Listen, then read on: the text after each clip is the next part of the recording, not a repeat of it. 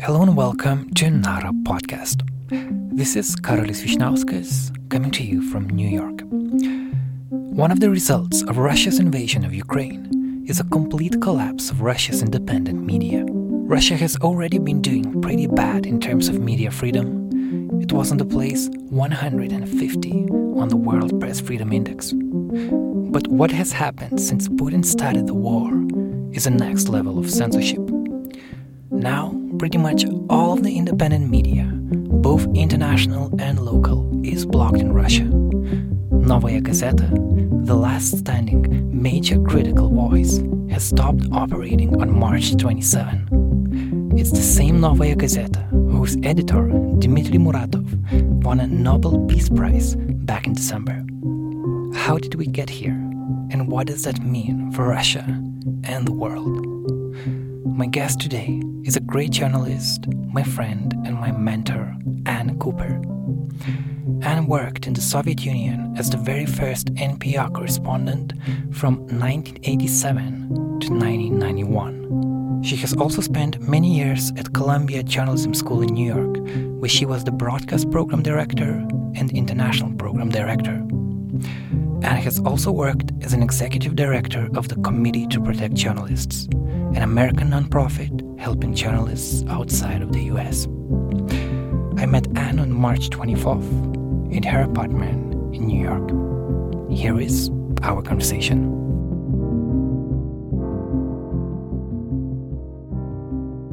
Hi, Anne. Hi. Today's March 24, and we are exactly one month into the war in Ukraine. What are your thoughts these days, really? Maybe just start like with general mood because we are far away from, from the place where it's happening. But it seems that, at least for me, it's really hard to think about anything else.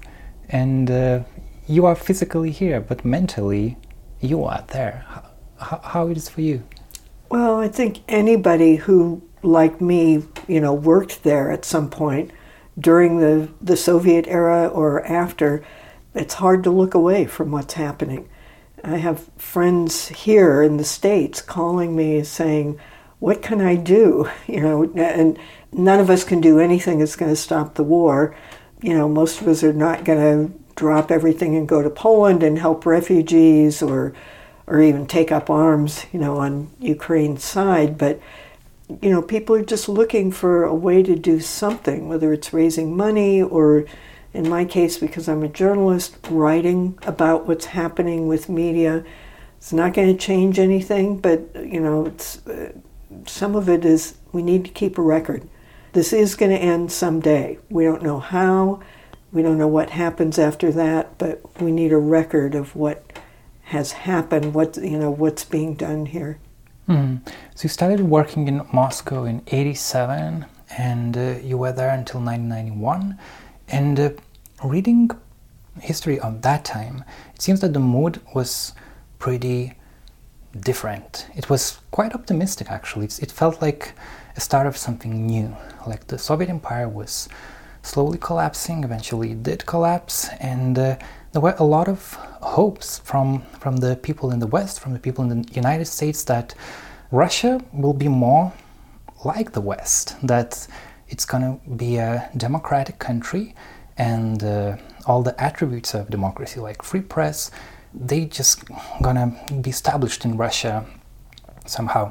Um, do you remember the mood at that time? What what were the hopes after the collapse of the soviet union? Well i think the key moment really was august of 1991 when there was a coup attempt against mikhail gorbachev. And when that failed after three days people took that you know Russians, people in all the Soviet republics, people in the West, all took it as a great victory for democracy and liberty. People want freedom, freedom of speech. They want to be able to elect their leaders and hold them accountable and, and all of that. It was euphoric. It was amazing. People were dancing in Red Square at the end of the coup. I left about a month after that. I left Moscow as, as uh, NPR's correspondent.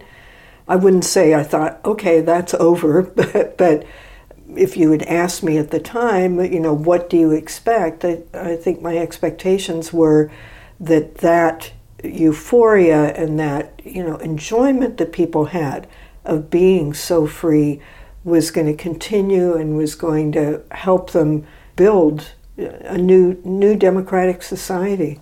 Mm.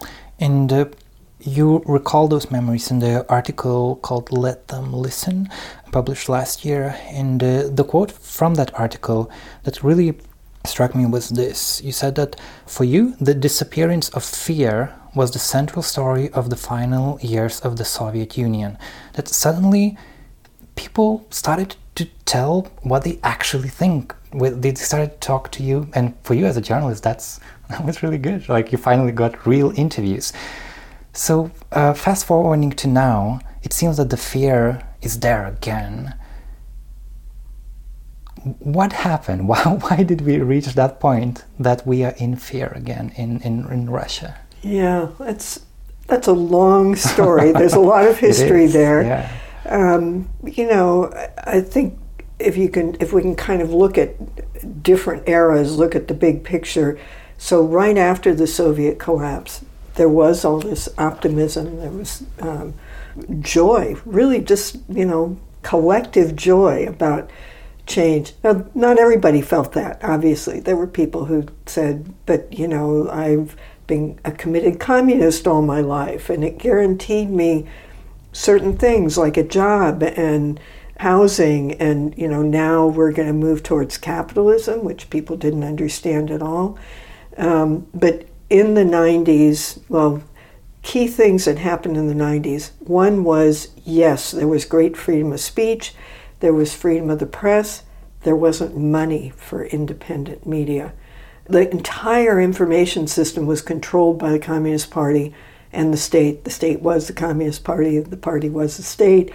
You know, they subsidized everything. They built, you know, huge TV operations, understanding that, you know, broadcast was the most important way to reach people in, in that era. But, you know, the system collapsed. There's no more Soviet Union. The Communist Party's not in charge anymore. Where are all those subsidies? you know, media has to have money to survive. In the West, it's the traditionally the money came from advertising. There wasn't any advertising in the Soviet Union, and it came from your subscribers. Well, in the Soviet Union, people paid I, I can't remember maybe five kopecks for it was a newspaper. very cheap. It was nothing. yeah. yeah. And, you know, a lot of people would get like five newspapers because they were so cheap. So there wasn't advertising. If you started charging people a lot more money, they didn't necessarily have that money, or they went, wait a minute, I didn't used to pay for this stuff. So that became a huge crisis for media. One of the things that happened early in Boris Yeltsin's administration in the 90s was that the state offered subsidies to independent news outlets. Mm-hmm. Um, many of them took it because how else were they going to be able to, you know, operate and pay their, their journalists? And some didn't, saying, you know, on principle, we should not be taking money from the government. That was the beginning of a long, slippery slope for independent media. The other thing that was happening was complete economic chaos in Russia. State properties were sold off, and people with some money figured out ways to, you know, get a monopoly on the state oil companies or uh, the resources like nickel and just buy up all of the ownership of those things that had belonged to the state before. Now they're in private hands but they're in a few private hands. And everybody else is scrambling, trying to figure out this new capitalist system. You know, you were pretty much guaranteed a paycheck in the Soviet Union as long as you behaved. Um, didn't really matter how hard you worked necessarily. All of a sudden it did. And, you know, a lot of state jobs disappeared. People had to go out on the market and figure out what to do, how to earn money, how to feed their families. There was a lot of corruption. There were pyramid schemes. uh, there was, you know, devaluation of the ruble, and pensioners in particular had a terrible time because the ruble suddenly falls. Their pensions didn't go up. They have the same number of rubles, but they're worth so much less. So that got a lot of people thinking, well, wait a minute, maybe it was better back mm. then.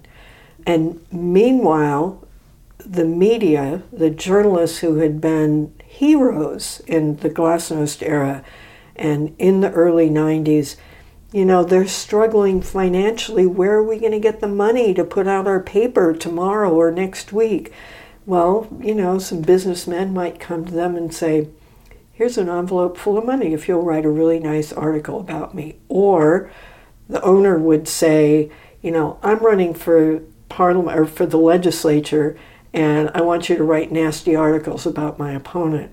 And people knew this was happening, and journalists would do that because they wanted to keep working, but they, you know, often their newspaper couldn't pay them for months at a time. The public is aware of this. The public loses confidence, loses trust in the media, and so by the time Vladimir Putin takes office in 2000, January 1st, 2000, people have been through several years of economic chaos.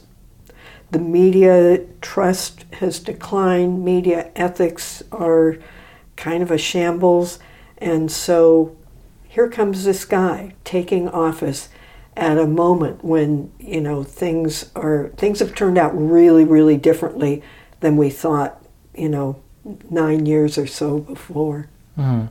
And what would you say there were key moments uh, seeing the, the end of this democratic dream in Russia? You're asking about after Putin came to power? Yeah. Yeah. yeah. Okay. So Putin comes to power January 1st, 2000. He had been prime minister, so he'd been around some, but, you know, and everybody knew that he'd been in the KGB. But there really wasn't a whole lot known about him. So, you know, journalists who were foreign correspondents who were covering the uh, covering Russia at that time were writing these stories saying, "So Russia has this new leader, and some people think he might turn out to be a real Democrat, and others mm. pe- other people say, once a KGB agent, always a KGB agent." bottom line, we don't really know for sure. The guy's kind of a mystery. Let's wait and see. Well, I was working at the Committee to Protect Journalists at that time, and it wasn't even three months later that we put out our first report about Putin, and it was all about Putin's war on media. And it said very clearly, you know, this looks like it's going to be a terrible era for independent media while a lot of people were still kind of scratching their heads, what's this guy going to do? It was very clear what he was going to do with media. One of the things I remember very well is that early that year, there was a reporter for Radio Free Europe, Radio Liberty, Andrei Babitsky. He had been covering Chechnya, covering the war there, which of course Putin was in charge of. And um, he for a while sort of embedded with the other side.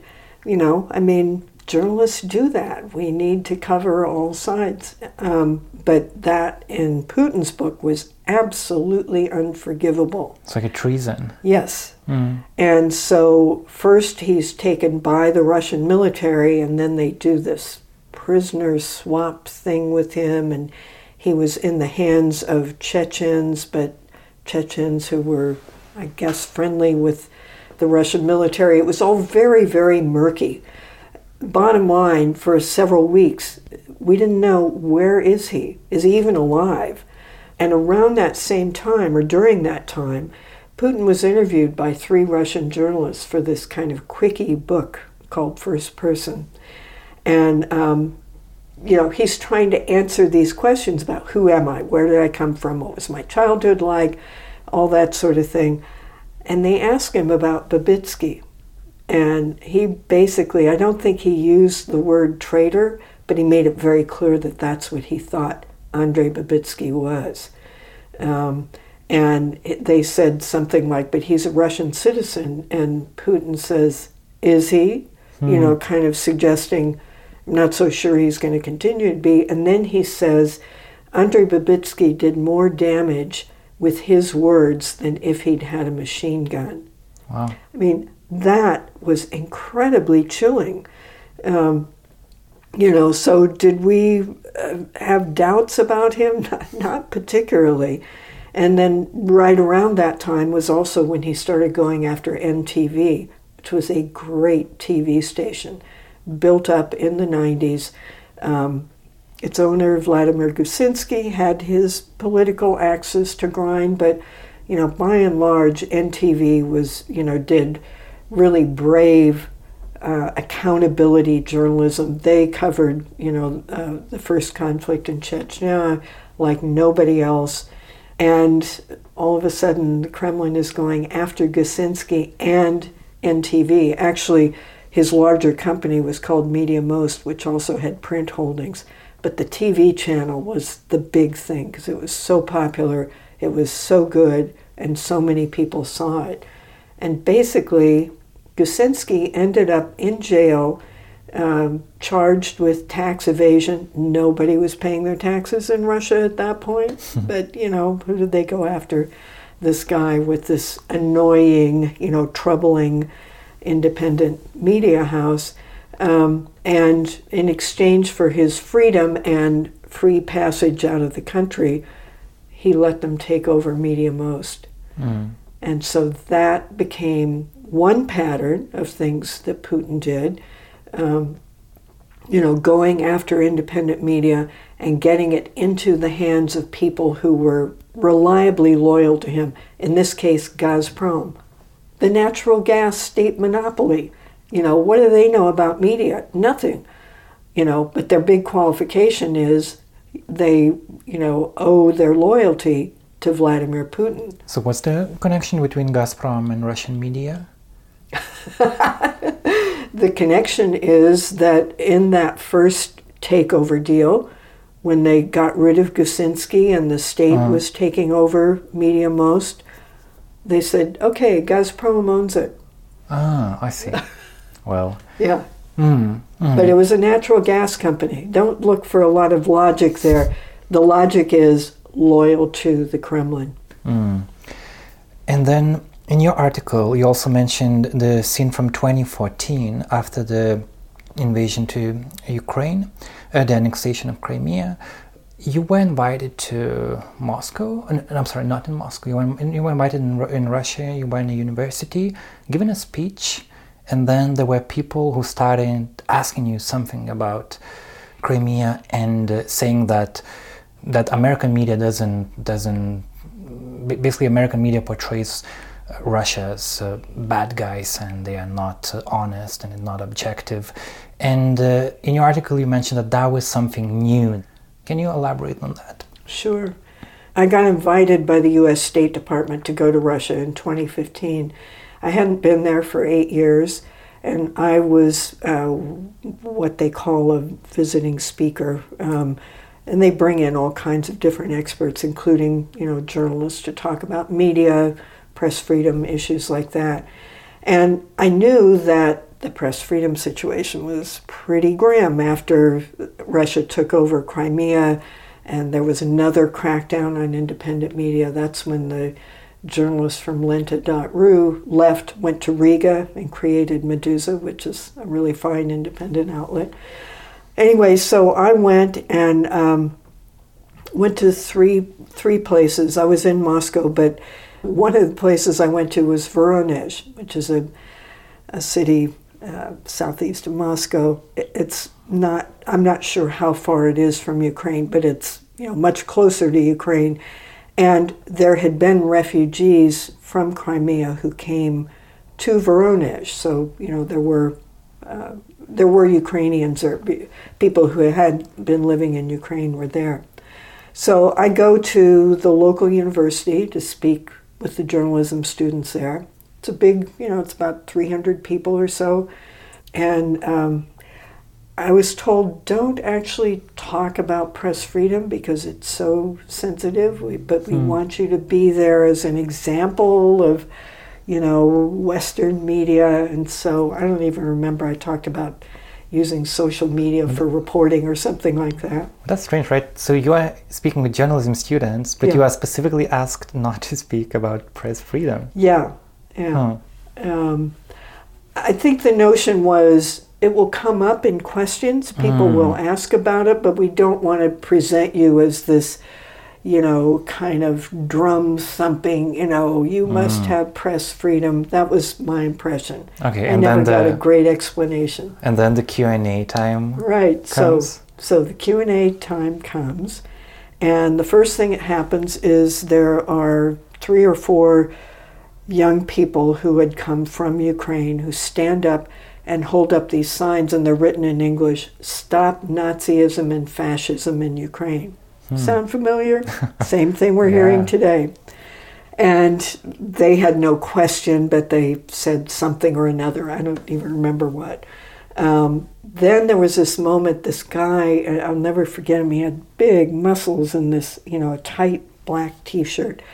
And he said, Well, I'm from. Um, from the Donetsk Republic, self-declared, you know, Donetsk separatist republic. And he said, I was on my way to Rostov and I heard about this event, so I thought I'd just stop by. I mean, come on. this guy's a provocateur. Um, he said he did speak English, and so he's, you know, speaking to me in English. And he said that during the, you know, the active fighting over Crimea and, the East, um, that he had acted as a fixer for American journalists. And he said, every single one of them that I worked with said to me, Oh, I wish I could tell the truth about what's happening here. Hmm. And I said, Who are we talking about? and he didn't answer. He just went on with whatever Wow. propaganda he wanted to say. And then the final moment was this woman with, um, uh, uh, you know, a long blonde braid, kind of like uh, Yulia Tymoshenko, who was once the leader of Ukraine. She gets up and she walks back and forth in front of the stage and she's showing pictures of this really terrible atrocity in Odessa, where a police station was on fire, um, caused by Ukrainians, as, as far as I know, as far as anybody knows. But um, she just, you know, she's using this to deliver her message about the fascism and Nazism in Ukraine, and then she kind of flings the photos on the stage and says, "Take your democracy."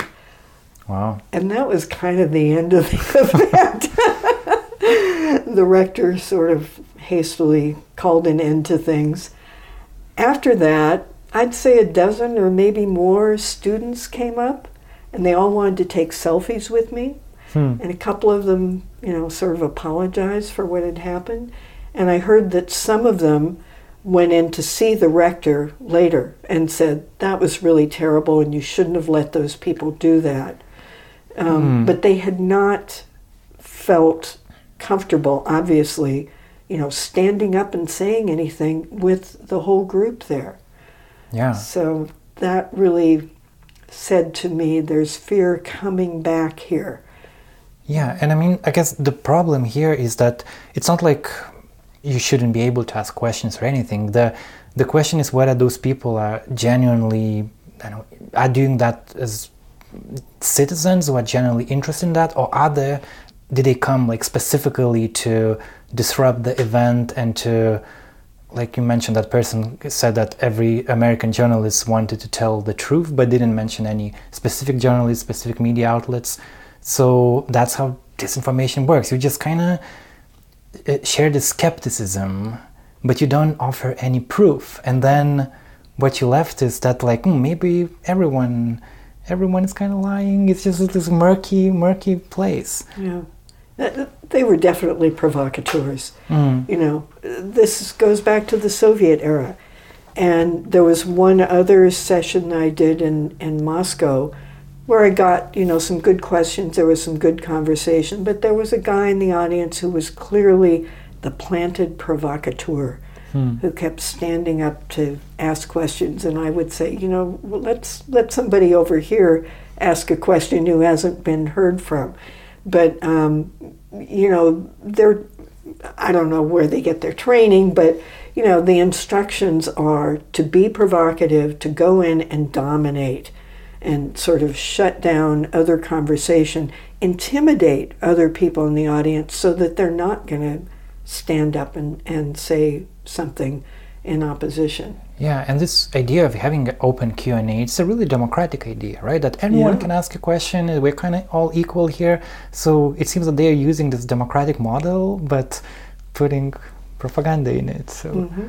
Just as Vladimir Putin took the trappings of our democratic elections hmm. um, to say, look, I, I got elected free and fair, but they're not free and fair elections. I mean, for starters, there's no, you know, no real opposition is allowed. Alexei Navalny wants to run up. We're going to figure out some way for him to be in jail or disqualify his candidacy.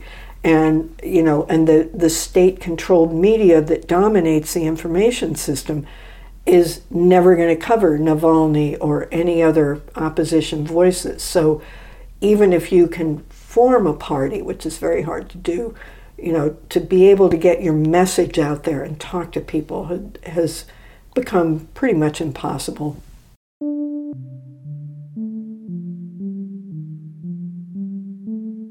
You're listening to the conversation with Anne Cooper, the very first NPR Moscow correspondent. If you want to support our work in Lithuania, please do that at contribee.com slash nara. Once again, it's contribee.com slash nara. Thank you. So judging from your accounts from early 90s to today, I wonder what would be your conclusion about um, I guess the question is did journalists do enough because I see the sensitive uh, the sentiment in um, from from many people in Ukraine, also many people in Lithuania. They are saying that uh, yes, there were some like democratic forces in Russia, but they just didn't do enough. They didn't prevent Putin from doing what he's doing now. And uh, there are even those people who are saying that the whole country is guilty for what is happening now. It's not only Putin, it's not only some of his people in his circle, the whole Russian society allowed this to happen, and journalists would be part of that. Do you believe it's fair to say? Do you, do you think that journalists do? Yeah, did, did they do enough, having all the having in mind all the circumstances that uh, they are they were facing in Russia? Well, it depends on which journalists you're talking about. you know, you've got hundreds, I don't know, maybe thousands of people working for the, you know, the various TV channels that are either directly state owned or owned by somebody who's, you know, a Kremlin loyalist. Um, you know, were they selling their souls doing that? In my opinion, yes, they were. You know, they knew what they were doing. Um, maybe they were doing it because they earned decent money and had a steady job and you got a family and you know you need to survive well okay maybe you could have had a conscience too and gone and found some other career to me the surprising thing is that there were so many people who stuck with independent journalism who kept trying I wrote a story in 2015 that was basically an obituary for independent Russian media. Hmm. Um, it was in that period after Russia took over Crimea, there was another crackdown on the independents. Um, you know, a couple of big, uh, a couple of big independent sites were taken over by loyalists. Um, lots of pressure on journalists. But that's when Meduza began in Riga. And then you saw, I mean, there's only a half dozen or so of these outlets, but they went outside the country they set up offices there so that the tax police can't come get them because they can't go to Riga and you know have any authority. Um, and they're you know they can do their editing outside. The internet makes that, and the pandemic, as we know now, you can stay home and do plenty of work. But they needed reporters inside Russia, and so they always had some staff inside. Um, and that's what's changed now is that mm. all of those people have had to leave because it was too dangerous. that's why you know now you can look at Meduza, and uh, if you go to the homepage, Voina, war, you know, very big type. That's just every day. That's what what greets you. Um, but people in Russia cannot see that unless they're using VPN. VPN, yeah, mm. they can see it by, by VPN. But realistically, um, how many people, well, like what percentage of society do that? They so I talked with uh, Galina Timchenko, who's um, now the, I think her title was CEO and publisher, and um, she was you know kind of running through the numbers like they you know they're blocked, so they lost that access.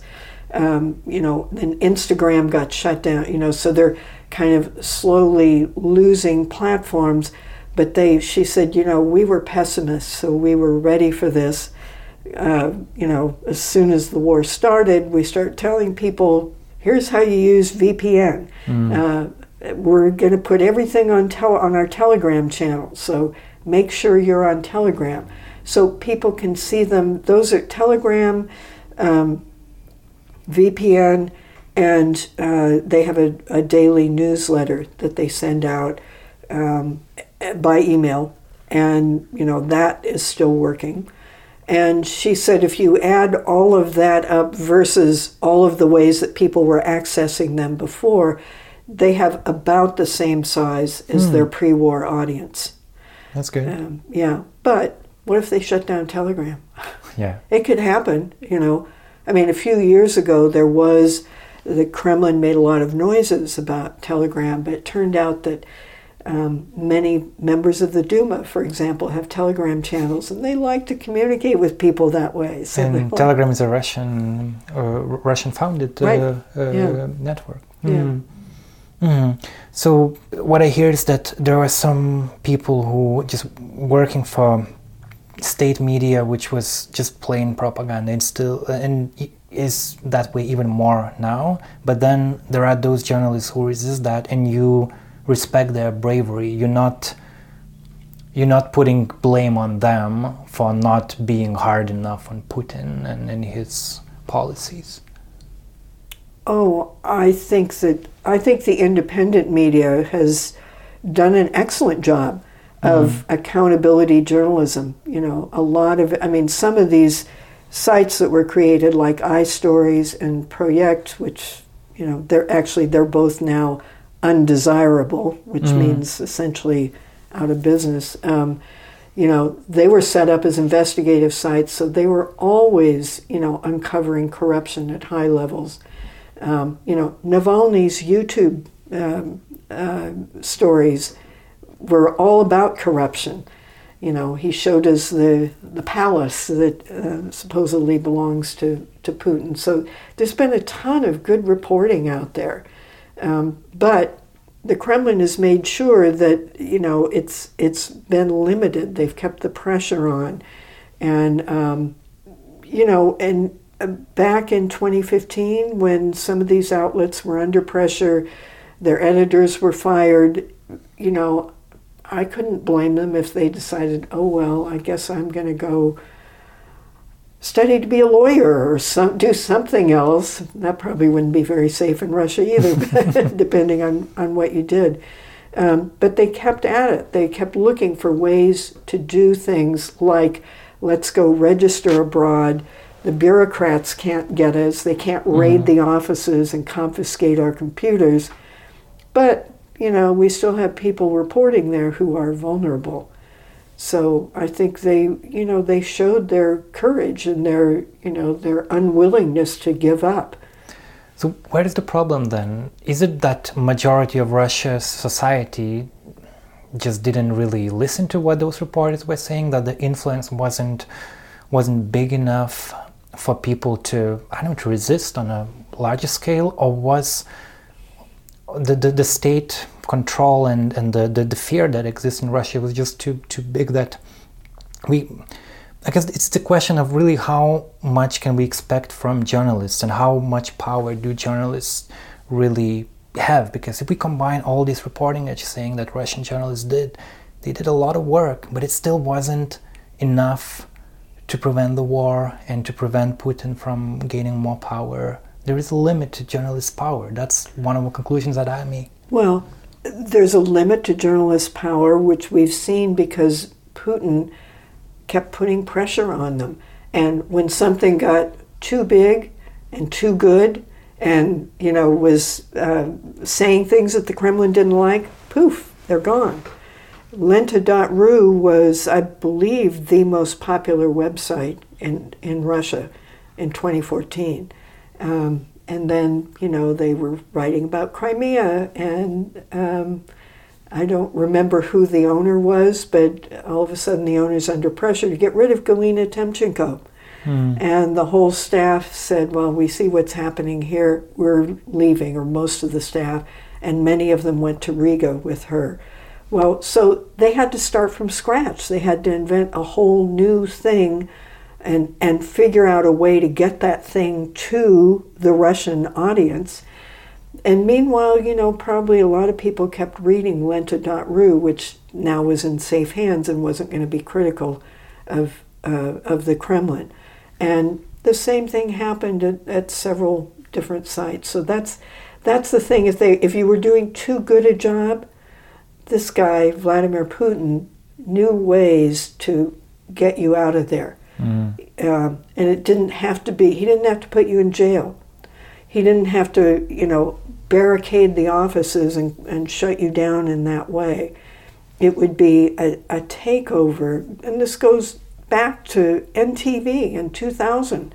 Um, and, you know, the pressure on Gusinski okay, I give up. I'm, you know, running away to uh, to the west. Um, and uh, and okay, Gazprom, here's a very nice gift for you. This big media company that has huge reach. Mm. Yeah, I guess my my vision would be that then the readers, uh, the viewers, they would say, no, no, no, we're not allowing this. We want we want independent media. We value independent media, and and then they would the society at large would somehow limit the politicians' power. That's the in theory that's how that should work, right? But I guess in Russia, in today's Russia, after like 50 years of the Soviet Union, there was just not enough time for this kind of democratic mindset to be to be built in, in society. Well, if you take away NTV, then people have to have another place to go. So a bunch of the NTV staff went, if I'm remembering this correctly, they went to some TV sports channel that hmm. you know some sympathetic person said, "Well, you can sort of take over here," and then I don't remember how that ended, but like you know they and they made a couple of different moves, and the Kremlin was always right behind them, you mm. know, and you know would yank the the tablecloth out from under them. Um, you know, there was a, a, great TV station, TV2 in Tomsk, which is, um, you know, way east in, in uh, Russia and um, they had a terrific reputation.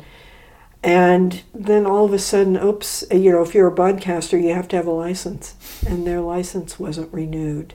Mm. Um, and you know, there was a struggle for this. This was also in the wake of the Crimea takeover, that TV2 was found to be, you know, we want to get these guys out of here.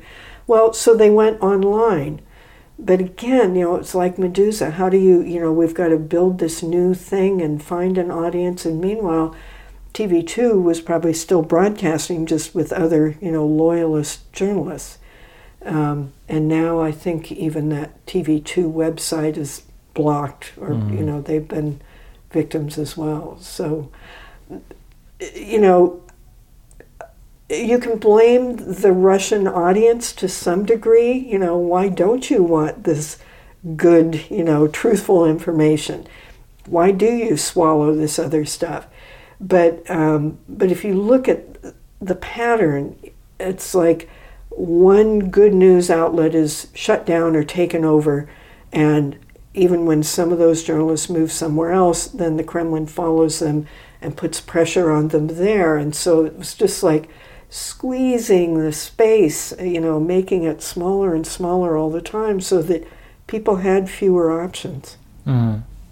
Another aspect of how Kremlin sponsored media works that I find really interesting is that they produce a lot of, at least they used to produce a lot of English language content as well, like Russia Today, like Sputnik. Uh, there's this, there was this outlet called there still is, called Redfish, and they are uh, their target audience is people in the in the West in the English speaking world, and they work in a little kind of different different way. They kind of masquerade as this left leaning media organizations. And uh, now, when Russia Today was uh, shut down in the United States, there were a lot of people kind of saying, "No, this is uh, a, a, an attack on free speech. We need we need Russia Today in in, in America." And uh, us coming from uh, like like me, my colleagues coming from Lithuania, we don't have any like if it's rt.com, you, you know what it is. But it seems that they quite successfully managed to infiltrate themselves in this American media market, and some people actually maybe really believe that it's an independent, it's an independent TV channel. What what's your what what's your uh, uh, uh, how do you read this whole uh, international Russian state-controlled media yeah. world? RT is a really interesting case because when it began, which I think was around 2005 it was more of a soft power approach. Like, we're going to tell you nice stories about Russia. Mm. you know, all the great things that we're doing. And I had some students in, uh, oh, I forget what year it was, but early on in RT's existence, when it was still Russia Today, they monitored it for some weeks and they said, oh, you know, they have these nice features about Maslenitsa, which is when everybody, right before Lent, when everybody eats lots of blini and mm. uh, fish and stuff. Um, so it was like, here's our Russian culture. Aren't we great? It's like, I don't know, Deutsche Welle would do something about German culture, I yeah, guess. Yeah, mm. or Voice of America. Yeah. You know.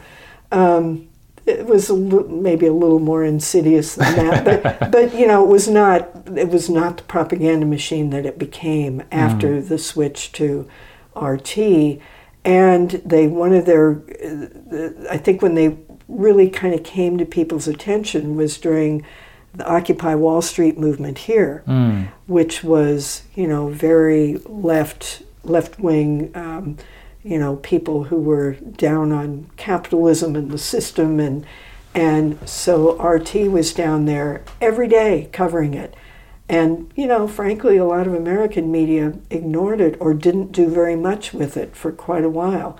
And RT was there, and so they mm. established credibility with a certain audience. The thing is, we've never really known how big that audience is. Um, you know, they'll point to things like, um, you know, the many, many millions of people who watch their videos on YouTube well, a lot of the videos are um, like the I think the tsunami in Japan was one of their most watched videos. I mean, you know, they're collecting news videos all mm-hmm. over, and also you can game that system too to you know to up the views. Um, there was when when they were forced to register as foreign agents. You know, there was a controversy, a free speech controversy about that. When and, did that happen? Oh, it was during Trump's administration, I would say 2017 or mm. 2018. And then Russia had their own and foreign agent they, yes. rule as a kind of response to an yes, American yeah, one. Mm. You know, all of a sudden RFE, Radio Free Europe, Radio Liberty is a foreign agent. Because Radio Free Europe is supported by U.S. Yeah, yeah, state money. Yeah, yeah. Uh-huh. and so that's and you know you could see that coming, and so that was one reason for arguing. But I mean, you know, people would say that this. there is a difference because, like, Radio Free Europe, yes, it has U.S.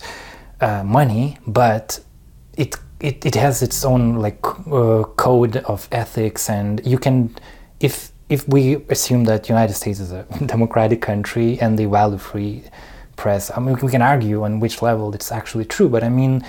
I trust Radio Free Europe because I believe in the idea of democracy that the United States is trying to achieve. Russia is not really a democratic country, so that's that's where the difference is, right? Yeah. Yeah, well, the content was very, very different. Yeah. I think Radio Free Europe, Radio Liberty is a fine institution. It's not reporting on America. It is reporting in countries where, you know, more independent media is needed, and Russia mm. is mm. is one of them.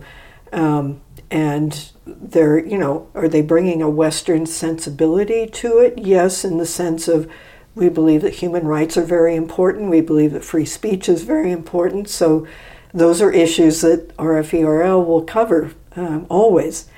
Um, so you know, I think I think they do a very good job. RT was much more cynical, and it was very clear, you know, that their goal was not necessarily to even convince Americans of, you know, their way of thinking, but to throw up a lot of dust and confuse things. Um, and but you know, should they have, and, and they weren't in the end like shut down by America. And here's the thing like the foreign agent registration, all that really means here is that they had had to file a lot of paperwork, and I guess somewhere they have to say on their site, we're a foreign agent. Well, mm. if you're deemed a foreign agent in Russia, every single story, your homepage, everything mm. has at the top in all caps this statement about, you know, this report was prepared by, you know, an entity that is a foreign agent. Mm. It's, it's, much more onerous the, the way Russia did it. Um, but I think, uh, you know, RT just kind of collapsed as the war, you know, the war began. Of course, sanctions were, uh, a lot of the sanctions are aimed at the Russian economy. And I'm guessing the Kremlin decided, well, we can't spend money on that anymore. We don't have so much money. I don't really know mm. exactly what led to the shutdown. But it wasn't the American government going yeah. in and saying, we're seizing your computers, you're out of here. Yeah, yeah, that's the difference. I want to end our conversation in turning to Ukrainian journalists because they are working nonstop and uh, reading your report on, uh, like in recent years, you were researching uh, state of media in all the post-Soviet countries, and uh, Ukraine has had its own issues in terms of um, who is controlling media. It wasn't. It, it, didn't reach that media freedom as uh, we in Lithuania have, or in, uh, in Estonia or Latvia. But right now, like I don't know, I, I open Twitter and Kiev Independent is like the first source that I see, and I trust them. Mm-hmm. So how do you? How would you describe the state of Ukrainian media now during the war? Well, under siege, like like the entire country. Yeah. Uh, but also, but it's still just, working. It's still it's still running. They're still working. Yeah. Um, and I don't I don't know a lot about how they're managing to do that. I know they've moved a lot of operations to the west, and maybe even into Poland or you know or other nearby countries to try to keep things safe. Um, but you know they've got people reporting on the front lines too and um, who better to report at, at this point? Uh, they they know the country, they have the sources, um, and they and they do have the independent media have you know strong standard, good standards, strong uh, ethical culture um, or culture of ethics, um, and I think they've been doing a, a great job. Um, I mostly see, I don't speak Ukrainian, um, so I mostly see Kiev Independent, but I look at Ukrainska Pravda a lot um, and can read some of it or, you know, use translation. They're breaking stories. Um, they're, you know, they're doing excellent work and, you know, their country's future is on the line and that includes the future of independent media in that country because as we've been discussing, if Russia eventually takes over Ukraine, you can expect that everything that's happened, you know, in recent weeks in Russia is going to happen in Ukraine. Mm. Yeah, and uh, one of the one of the fears, I guess, uh, look, looking in the future is that seeing this the, the the state of Russian media right now, it seems that we will just th- there will be no one to tell those stories. Like lots of people who were more like demo- had more like democratic mindset, who care about independent journalism, they left Russia these weeks, um, and now having on the ground people telling their how do you even know what is happening in, in and and there are even these speculations that maybe that's what that's part of Putin's plan. Just get those people who are like inconvenient, like people who are causing trouble for him, let them leave the country. And uh, and the the less media freedom, the less freedom of information you have, the easier to control the population. And then here we are in the other side of the border.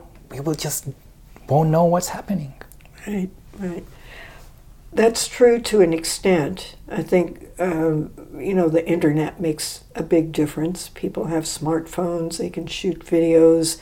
Um, I was talking to uh, the editor of one of the sites that's, you know, now completely operating outside of Russia. And um, he said, you know, for something like um, when there are anti war demonstrations, you know, they're, the people who are out there are filming and sending them the video or, you know, tweeting or, you know, just sending them reports. Here's what, what happened. Here's how, uh, how many people we're seeing getting beaten up.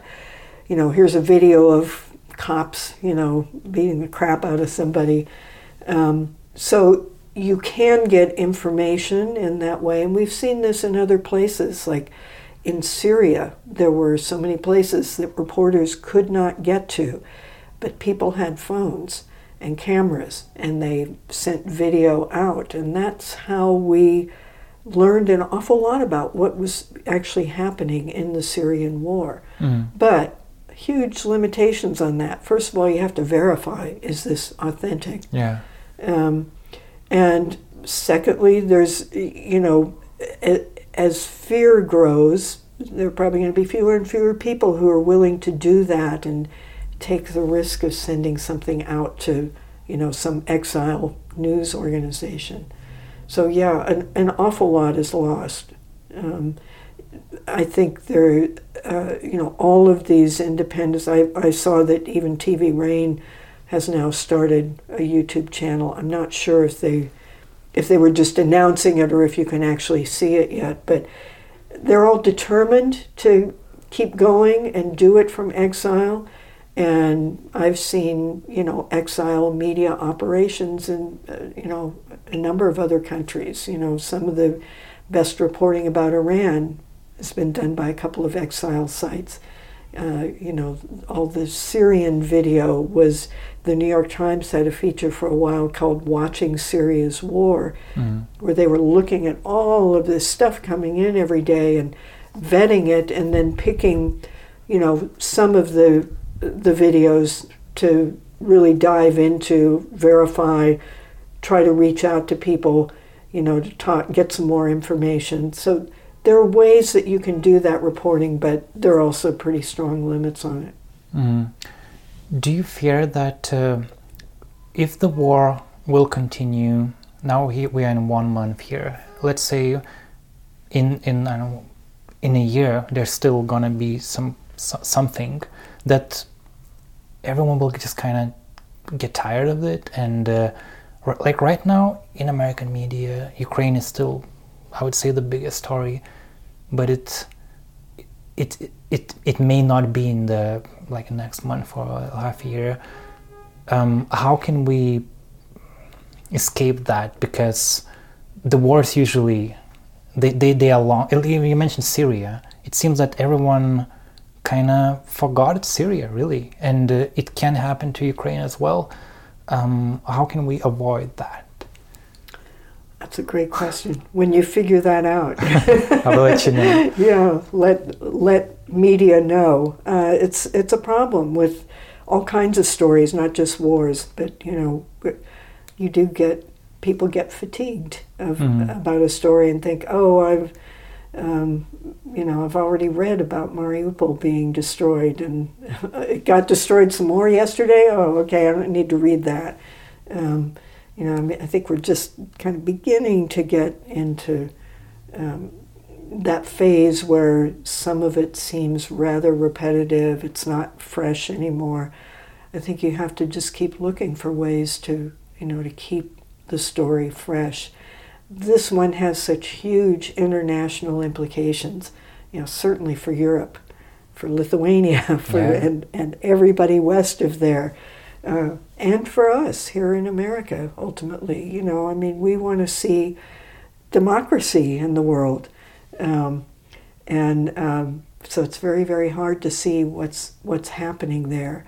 I think that will, um, as as long as journalists can keep um, making people understand that that you know even though it's not a threat to us today or tomorrow or next month you know ultimately it affects the globe it affects you know political systems around the world um, in a way that some other conflicts don't so i think as long as they can keep that point alive for people it's still going to be a huge story yeah, and even if the war st- stops tomorrow, it's already so much damage has been done.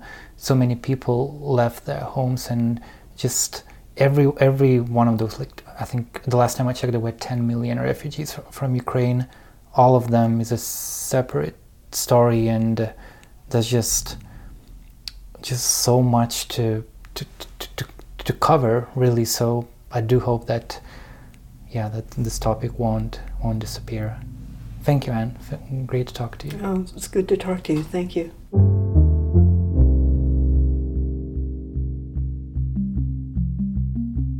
That is our show today. You heard a conversation with Ann Cooper, the very first NPR correspondent in Moscow back in 1987 and Columbia Journalism School professor. If you go to nara.lt slash en, You'll find pictures of Ann Cooper from that time, and also I uploaded the links to her latest writing on Russian and Ukrainian media. The episode was created by me, Karolis Vyšniauskas. The music for the episode was created by Martinas Gailius. Nara podcast is produced by Lithuanian Journalists Collective. Thank you, and see you soon.